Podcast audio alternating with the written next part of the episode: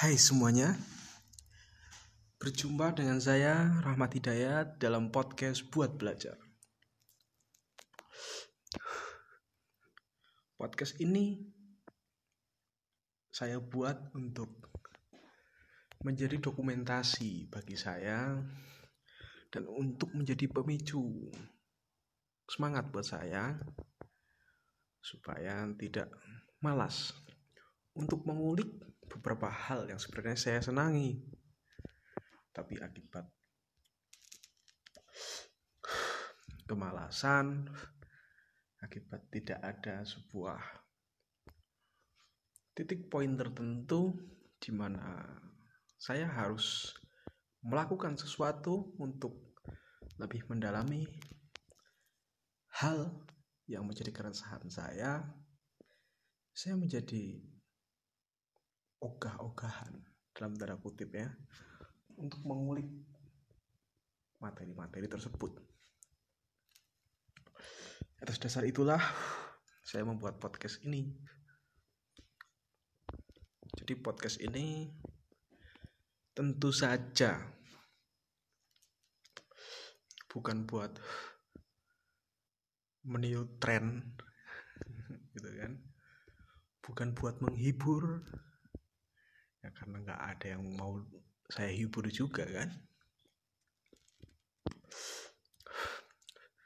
Podcast ini kalau menurut menurut menurut ucapan saya gitu kan adalah dari saya untuk saya dan oleh saya. Bukan seperti yang diucapkan Abraham Lincoln bahwa untuk rakyat oleh rakyat dan dari dari rakyat untuk rakyat dan oleh rakyat. Jadi tentu saja saya akan cukup belibet dalam membuat podcast ini atau menyampaikan materi dalam podcast ini karena toh saya rasa juga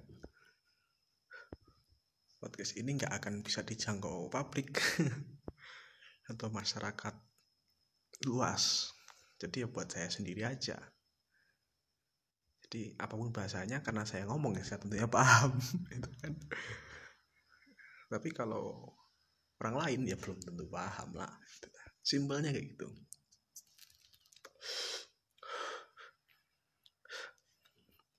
Podcast ini secara umum ya secara gambaran besar akan menjelaskan gitu kan tentang keadilan sosial tentunya perspektif keadilan sosial dalam konteks kepemilikan tanah di Indonesia. Kenapa soal tanah? Membahas tentang tanah menjadi penting karena perkembangan kehidupan manusia tidak akan pernah lepas dari tanah. Kita makan sumber makanan kita dari tanah. Kita buat hunian tempat tinggal berada di atas tanah. gitu kan? Kemudian kita memakai pakaian yang sumbernya baru bisa muncul daripada tanah. Artinya tanah itu penting. Tanah itu sumber dari segala sumber-sumber kehidupan. Oleh karena itu, kita harus memperhatikan tentang tanah, memberikan perhatian khusus tentang kepada tanah. Bahkan dalam literasi Jawa kuno atau dalam literasi masyarakat agraris tanah itu mendapatkan tempat terhormat dengan gambaran seorang ibu. Kenapa ibu? Ya, karena tanah yang melahirkan banyak kehidupan dari tanahlah kehidupan kita berasal. Bahkan dalam literasi agama, walaupun saya tidak paham-paham betul soal agama, bahkan lebih banyak tidak pahamnya, gitu ya manusia berasal dari tanah. Itu. Itulah pentingnya tanah. Jadi kalau kita sendiri tidak paham soal tanah, gitu kan, kita sendiri tidak mempelajari soal tanah, dan bagaimana kita memposisikan memposisikan bahwa pengurusan atau regulasi tentang tanah itu harus adil dengan sistem yang berkembang tanah akan hanya akan menjadi sebuah apa monopoli dari kaum kaum elit saja. Dan masyarakat kelas bawah tidak bisa merasakan sentuhan daripada tanah tersebut, kehangatan dari tanah tersebut. Apa berkah dari tanah tersebut. Oke. Pembahasan tentang tanah akan sangat luas, gitu kan. Akan sangat panjang, bahkan saya nggak tahu akhirnya akan di mana. Akan berhenti sampai mana mungkin tidak akan berhenti. Gitu kan. Karena tanah di mana pun punya warna yang berbeda. Dalam konteks sosial dan budaya, bukan warnanya ini tanah gambut warnanya agak kehitaman, tanah kapur warnanya agak keputihan, bukan begitu. Konteksnya tanah di mana pun punya warna yang berbeda, warna budaya, sosial, politik, dan hukum. Gitu kan. Dan itu dipengaruhi dengan cerita-cerita tentang kekuasaan dan monopoli ekonomi. Dan itu pun bisa diurutkan berdasarkan sejarah. Jadi kan sangat panjang sekali. Bahkan tanah tidak akan pernah lepas daripada pembicaraan bahkan sampai masa depan.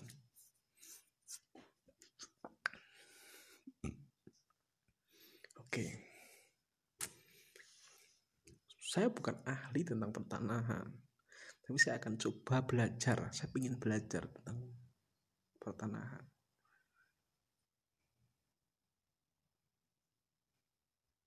Apa karena ini penting?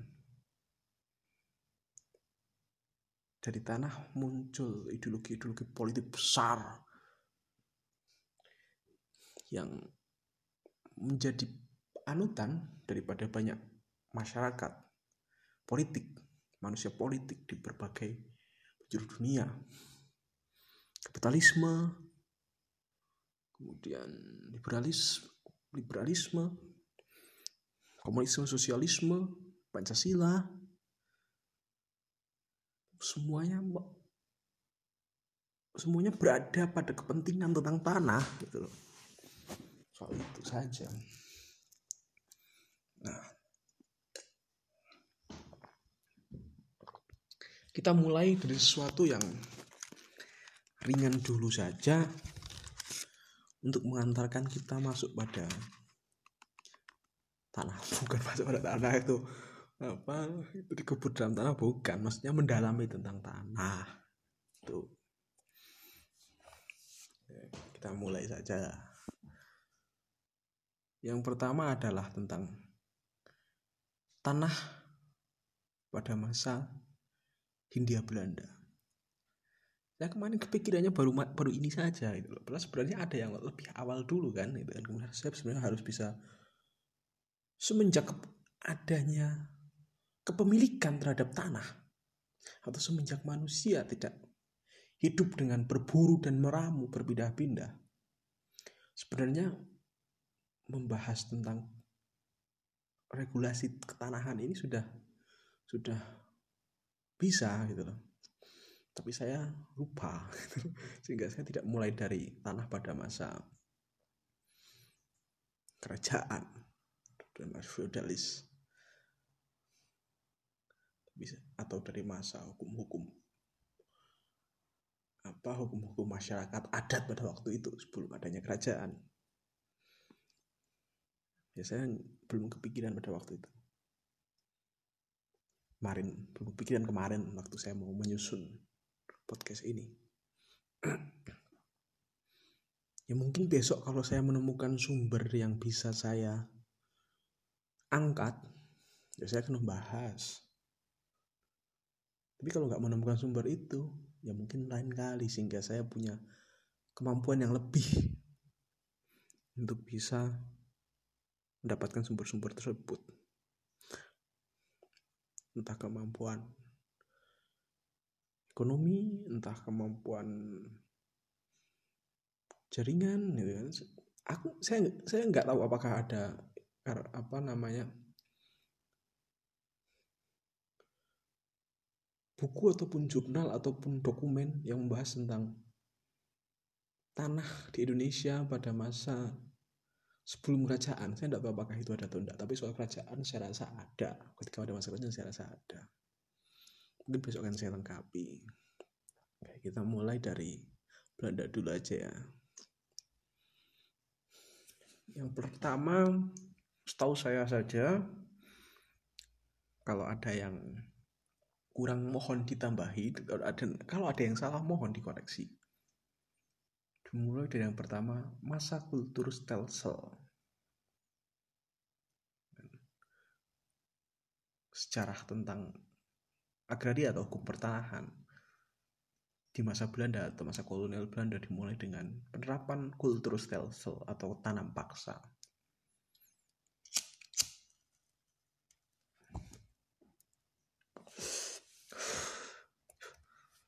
Kultur stelsel ini gitu kan, atau tanam paksa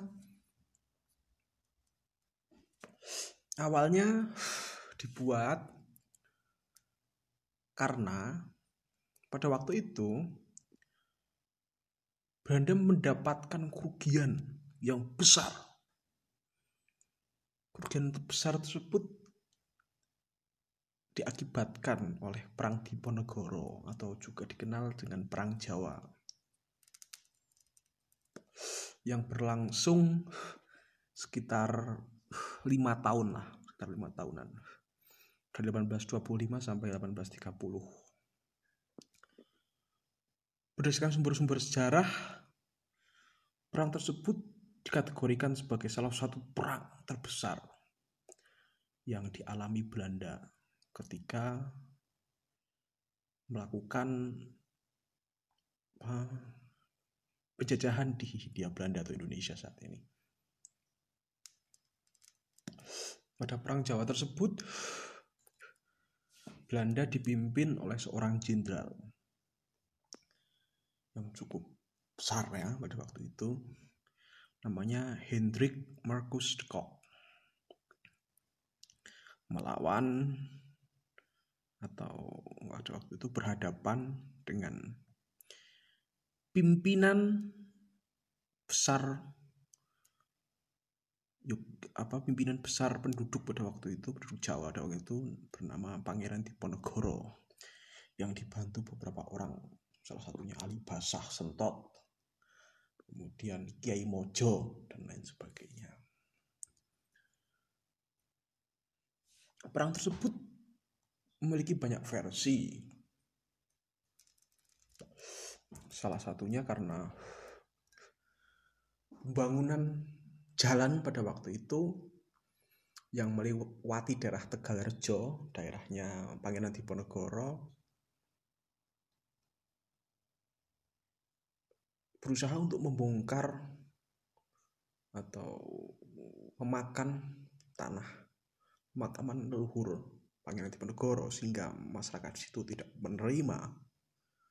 Ada juga yang mengatakan pada waktu itu mengenai ataupun terjadi karena konflik politik di keraton Yogyakarta antara Pangeran Diponegoro dengan ibu tirinya yang disebut-sebut lebih berpihak kepada pemerintah Belanda yaitu Ratu Ageng.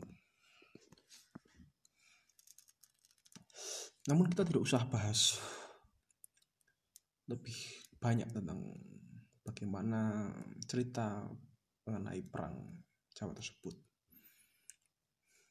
Singkat cerita, dengan perang tersebut yang sangat berkepanjangan dan apa menewaskan banyak serdadu Belanda hampir mencapai 8000 serdadu Belanda yang mati pada perang tersebut dan juga pada waktu itu kan juga Belanda sedang apa menghadapi perang Padri juga kan di Sumatera jadi apa bertumpuk-tumpuk lah Belanda di masa itu kan. Pada waktu itu untuk untuk perang Jawa sendiri itu saja ya. Belanda hampir apa menggelontorkan sekitar 20 juta golden lah untuk perang ini sekitar itu sekitar 20 juta golden. Ya kalau dalam kurs sekarang sekitar 3 miliar dolar Amerika. Uang tersebut tidak sepenuhnya diambil dari kas kerajaan. Ada juga yang berasal dari hutang. Oleh karena itu wajar jika Belanda kemudian setelah memenangkan perang tersebut dan membuang Pangeran Diponegoro ke Manado untuk dipenjarakan di sana di benteng Rotterdam. Belanda bagaimanapun caranya itu kan ya. Ya harus apa mendapatkan keuntungan untuk menutupi kas-kas yang telah apa ya telah kosong karena perang tersebut. Bahkan hutang yang menumpuk gara-gara perang tersebut oleh karena itu Belanda pada waktu menerapkan sistem tanam paksa di Indonesia atau kultur stelsel. Sistem ini di apa dijalankan oleh seorang gubernur jenderal bernama Johannes Johannes van den Bos waktu itu dia apa baru jenderal baru.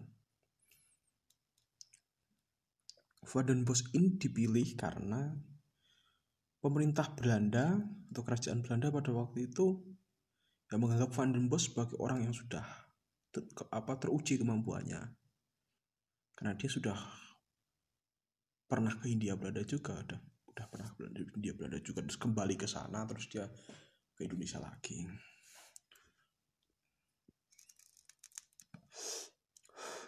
Van den Bos ini sebenarnya ya dia itu kan berasal dari daerah Herwijgen kota kecil di Belanda provinsi yang namanya namanya Gelderland Belanda. Dia dia pun dia dia seorang jenderal yang berasal dari kota kecil di Gelderland Belanda.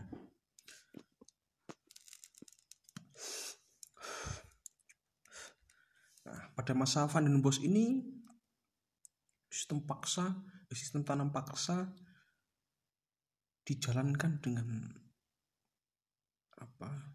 Dengan baik dengan kontrol langsung dari pemerintah kolonial Hindia Belanda. Tujuannya bagaimana caranya ekspor pada waktu itu bisa naik berlipat-lipat dari sebelum-sebelumnya. Karena pada waktu itu Hindia Belanda juga cukup mumpuni untuk menjadi wilayah yang dianggap bisa memberikan keuntungan besar bagi Belanda karena merupakan daerah tropis dan bisa ditanami tanaman-tanaman seperti gula, karet, dan tanaman indigo. Jangan anggap indigo ini manusia indigo ya. Indigo ini tanaman yang bisa digunakan sebagai obat, bahan pewarna, bisa juga sebagai protein ternak atau konsentrat bahan-bahan seperti itu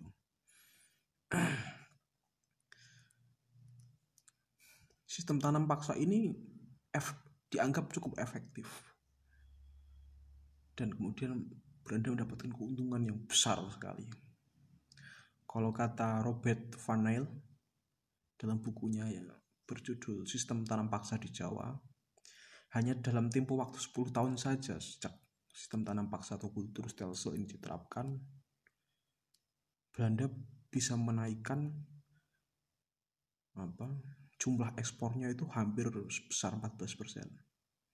Itu kan lumayan kan apalagi komoditas yang diekspor itu komoditas yang sangat mahal sekali di pasar internasional waktu itu ini tentu keuntungan yang luar biasa dan kemudian Belanda berhasil untuk menutup apa keuangan negaranya yang habis karena perang Jawa tersebut dan hutang-hutangnya terlunasi. Tanam paksa ini sebenarnya awalnya regulasinya itu hanya sebesar satu per lima dari bagi apa dari satu per lima bagian dari kepemilikan tanah pribumi pada waktu itu. Tapi kan karena adanya apa penguasa-penguasa pribumi yang nakal yang ingin dapat keuntungan itu ya untuk apa untuk keuntungan mereka juga akhirnya dinaikkan bahkan pada pada realitanya di lapangan bisa bisa ada tuh yang apa sampai separuh daripada tanah tersebut untuk untuk pesta antara Belanda sama pemerintah pribumi. Jadi pada masa itu kita bukan cuma dijajah oleh pemerintah Belanda, kita pun dijajah oleh bangsa kita sendiri. Para tuan-tuan tanah tersebut. Itulah.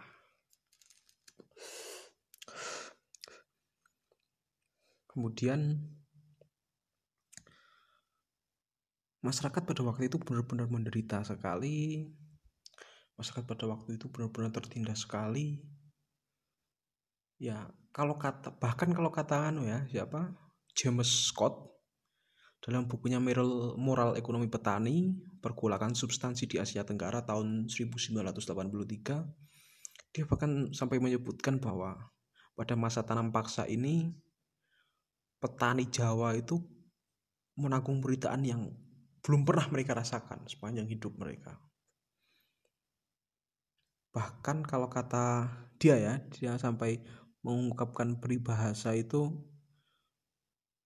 apa ya ibaratnya kalau mereka tenggelam itu udah sampai mulut. Jadi kalau kena air setetes atau dikit lagi aja udah tenggelam mereka mati udah itu aja. Sampai mengibarkan begitu.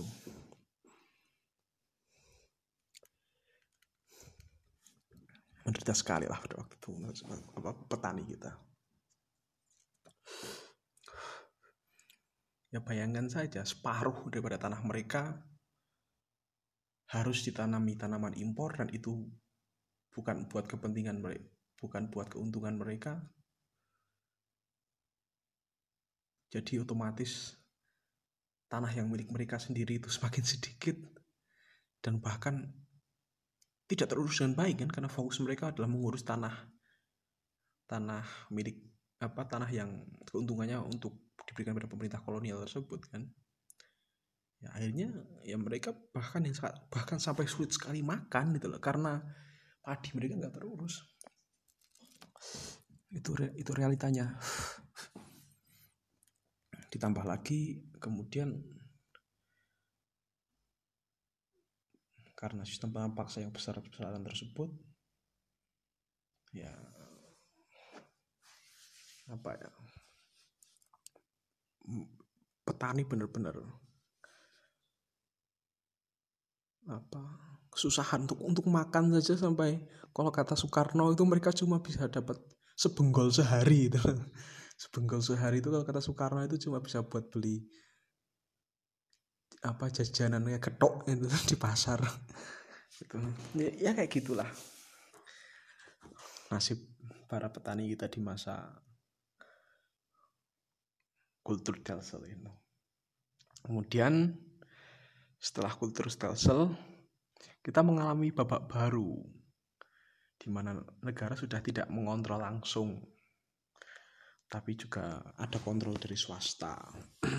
Namanya masa agraris wet atau undang-undang agraria tahun 1870.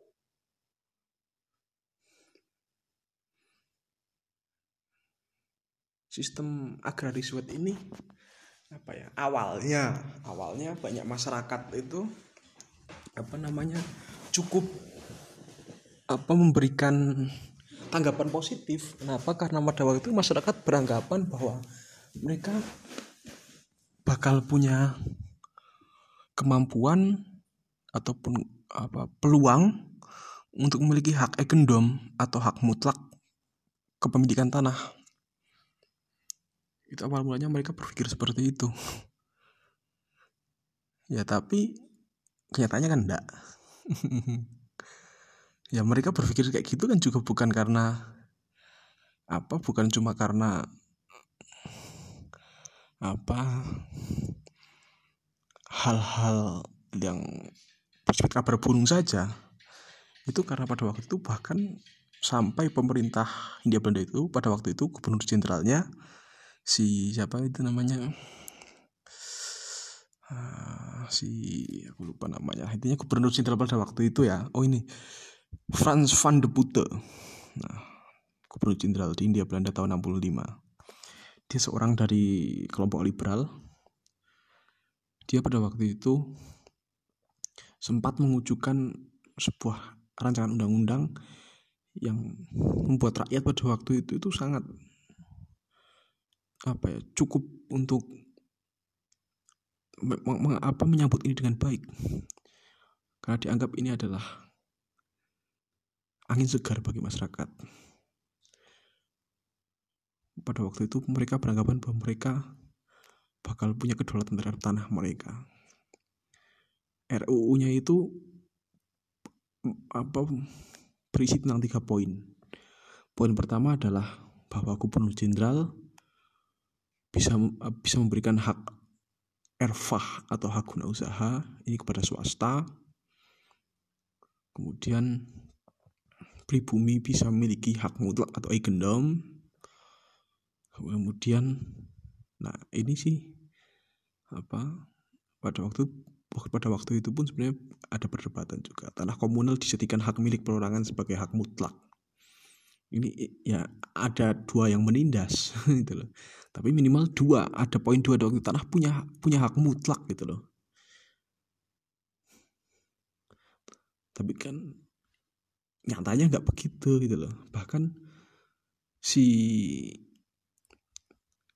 Franz de Putte ini karena dia memberikan janji itu itu memberikan hak ekonomi pada masyarakat pribumi dia pada waktu itu dihabisi sehabis-habisnya oleh orang-orang yang padahal sekelompok sama dia dari kelompok liberal dia bahkan sampai dijatuhkan dari posisinya sebagai gubernur jenderal ya dia dianggap terlalu tergesa-gesa lah untuk memutuskan bahwa rakyat bakal punya kayak gendong pada itu tokoh yang apa menjadi provokator utama adalah Torbeh. Dia tokoh juga dari apa kelompok liberal. Dia tidak suka sama apa idenya Franz de Putte ini. Ya udah, akhirnya agraris tersebut muncul dengan apa dengan janji seperti itu yang kemudian di apa agrarisme tersebut muncul tahun 1870 dengan apa dengan peraturan lebih yang diturunkan dalam pengaturan yang lebih teknis dalam peraturan dan keputusan yang waktu itu dikenal dengan agraris baseload itu poin penting yang pada saat itu menjadi kunci utama dari pemerintah Hindia Belanda untuk mengeksploitasi bangsa Indonesia. Dimuat dalam Stadsblad atau lembaran negara nomor 118 tahun 1870. Pada Agris Beswit ini pasal satunya yang yang sampai sekarang kita kenal namanya domain file clearing, domain file clearing menyatakan bahwa semua tanah yang tidak terbukti bahwa tanah tersebut punya hak egendom adalah milik Belanda atau dalam domain pemerintah Belanda. Nah, jadi bukan apa? Bukan mereka memberikan rakyat hak eigendom atau pendataan terhadap tanah hak eigendom, tapi tanah yang tidak terbukti punya hak eigendom itu dimiliki oleh pemerintah. Nah, padahal siapa yang punya hak eigendom pada waktu itu? Siapa yang yang yang punya pengetahuan untuk mengurus hak eigendom seperti itu? Masalah pada waktu itu buta hukum sekali gitu loh. Ini kan ya akal-akalan pemerintah Belanda saja kan. Namanya politik penjarahan. Politik penjarahan itu namanya. Saking parahnya politik penjarahan ini ya seorang aku peneliti dari Inggris atau Amerika aku lupa namanya. Aku, aku lupa dari mana namanya Clifford Gert dia sampai menyebutkan bahwa pada masa itu masyarakat Indonesia mengalami pemiskinan yang luar biasa. Kenapa nggak luar biasa coba? Bayangkan. Masyarakat yang tidak punya kapasitas untuk melek hukum sehingga tidak bisa mengurus hak ekonominya tersebut berarti tidak punya tanah dan tanah itu milik negara ditambah lagi masyarakat yang sudah bisa mengurus hak ekonomi itu pun tanahnya bisa dengan bebas diambil oleh pemerintah Belanda. Alasannya itu kan misalkan untuk keperluan negara lah atau kepada pengusaha swasta Belanda yang ingin mengembangkan usaha pertanian atau perkebunan di Indonesia. Banyak sekali alasannya lah. Tapi itu pun dilegalkan oleh hukum. Dilegalkan oleh Undang-Undang Agraria tahun 70 tersebut, 1870 tersebut. Juga yang poin ketiga itu bahwa apa namanya tanah-tanah komunal itu pun tidak dianggap oleh pemerintah Belanda. Sehingga mas, tanah apa tanah-tanah masyarakat adat atau kelompok adat tersebut namanya tanah ulayat ya jadi tidak ada lagi kan? Jadi tidak bisa dikelola oleh masyarakat lagi kan? Ya udah mau mau ngelola tanah apa masyarakat pada waktu itu? Ya jadinya pada waktu itu masyarakat hanya menjadi buruh dari pabrik ataupun industri pemerintah kolonial Belanda yang dapat dikerja apa dapat bekerja dengan gaji semurah-murahnya hanya itu saja. Ya kasihan lah. Tapi ini sejarah ya ini sejarah.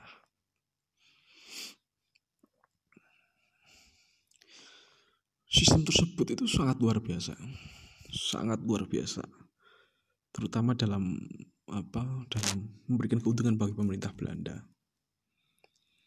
Bahkan dengan sistem tersebut sistem undang-undang agraria tersebut Belanda pada waktu itu menjadi negara nomor tiga negara investor terbesar di dunia nomor tiga.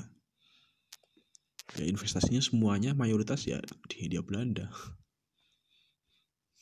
Inggris aja yang menguasai banyak negara pun ya mungkin tidak tidak tidak anu lah tidak unggul terlalu jauh dari Belanda dong itu. Karena Indonesia pada waktu itu ya merupakan tanah yang cukup baik untuk investasi perkebunan dan pertanian.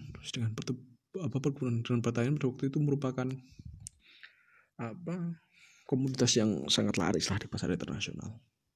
Apalagi dengan dibukanya terusan Suez kan tahun 64 atau 54 itu jadi lebih mudah lagi aksesnya nah, kemudian tanah-tanah tersebut siapa yang mengurus dan siapa yang menerbitkan izin? Yang bisa menerbitkan izin pada waktu itu adalah beda ya, beda. Izin tersebut diterbitkan oleh apa namanya gubernur atau residen gitu kan. Itu bagi orang Hindia Belanda dan orang Timur Asing seperti Tionghoa ataupun Arab. Dibantu oleh seorang yang namanya kadaster yaitu orang yang punya tugas itu memberikan apa informasi-informasi tentang tanah lah tentang dokumen-dokumen tanah seperti milik dan lain sebagainya. Kemudian di apa di yang mengerjakan itu badan kehakimannya. Kalau pribumi ngurusnya cukup ke di satu pun kelurahan di satu kelurahan kan main juga di sini lah. Banyak tanah itu yang tidak dianggap milik masyarakat pribumi. Ya waktu itu intinya dan lah pemerintah Belanda sama penguasa pribumi itu bersekongkol. Kita dijajah oleh dua kelompok itu. Ya bagaimana nggak bersekongkol dan nggak berpihak ke Belanda? Wong pada waktu itu tuh bupati itu yang angkat itu apa atas izin. Yang angkat itu pemerintah Belanda. Siapa yang di siapa yang diangkat? Yang diangkat itu kan anak pertama anak pertama yang laki-laki atau laki-laki eh laki-laki itu anak pertama dari keluarga kerajaan apa dari keluarga priayi lah. Dari keluarga dari keluarga kerajaan. Yang apa rekomendasinya itu kenapa dia jadi bupati? Karena dapat rekomendasi dari residen tersebut.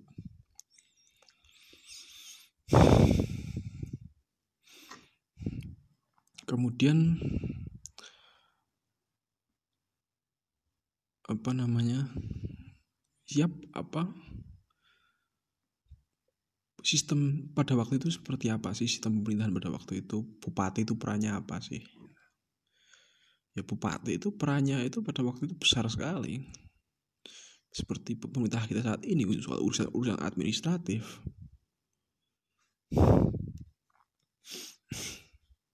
Jadi bupati itu berarti masih menjadi raja-raja lokal juga di waktu itu. Karena memang dari raja juga kan supaya supaya untuk apa minimalisir konflik lah dengan para penguasa-penguasa daerah ini. Itu Belanda itu punya tiga bentuk pemerintahan lah di Indonesia yang pertama namanya Pangreh Praja atau in Island Pasture Island Pasture apa Pangreh Praja ini isinya itu bupati Patih, gitu kan. Wedono, asisten Wedono. Wedono itu seperti pemerintahan administratif di atas kecamatan di bawah kabupaten. Kalau sekarang mungkin pembantu bupati ya mungkin namanya sekarang ya. Kalau Belanda, kalau bagi apa pemerintahan yang dipegang oleh Belanda namanya Binelon Bestuur. Binelon Bestuur penyebutannya gimana aku nggak terlalu jelas nggak terlalu paham apa isinya itu ada gubernur jenderal residen asisten residen dan controller.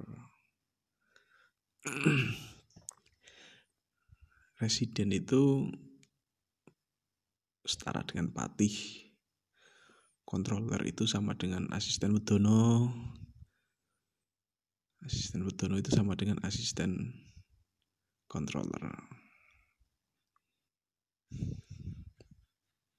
Kayak gitulah dan ada lagi yang cukup khusus namanya pemerintahan swapraja atau self pasture itu pemerintahan yang diakui kolonial Belanda dan punya kekuasaan administratif juga. Tapi dia udah tidak mengacu pada itu ya udah tidak mengacu pada instruksi langsung dari itu ya dari apa pemerintah Belanda ya karena dia itu punya kedaulatan lah. Itu namanya itu namanya beda bukan bupati atau namanya ada kesultanan lah ada yang namanya kerajaan ada keadipatian. Salah satu apa contoh daripada daerah Suapraja ada Kesunanan Surakarta itu. Wilayah Surakarta itu apa Suapraja itu punya kedaulatan lah untuk mengatur sendiri hukumnya apa apa hukumnya kemudian administratifnya budaya dan sebagainya itu itu itu lepas lah dari kontrol pemerintah Belanda. Walaupun Belanda juga ikut campur juga untuk menentukan siapa yang jadi sultan ya konfliknya itu siapa? Bahkan Diponegoro juga karena itu. Belanda ikut campur untuk melengsarkan apa apa Sultan Hamengkubuwono kedua kan. Sekian penjelasan yang sangat singkat dan banyak salahnya ini dan penuturan yang tidak bagus ini. Minimal kita sama-sama belajar lah. Sedikit-sedikit itu tentang bagaimana hukum agraria di masa pemerintahan kolonial Belanda atau bagaimana hukum pertanahan di masa pemerintah kolonial Belanda. Kalau ada yang mau dikoreksi, ada pertanyaan atau diskusi, sampaikan saja ke email kita atau yang tahu WhatsApp saya WhatsApp aja. Terima kasih. Sampai jumpa.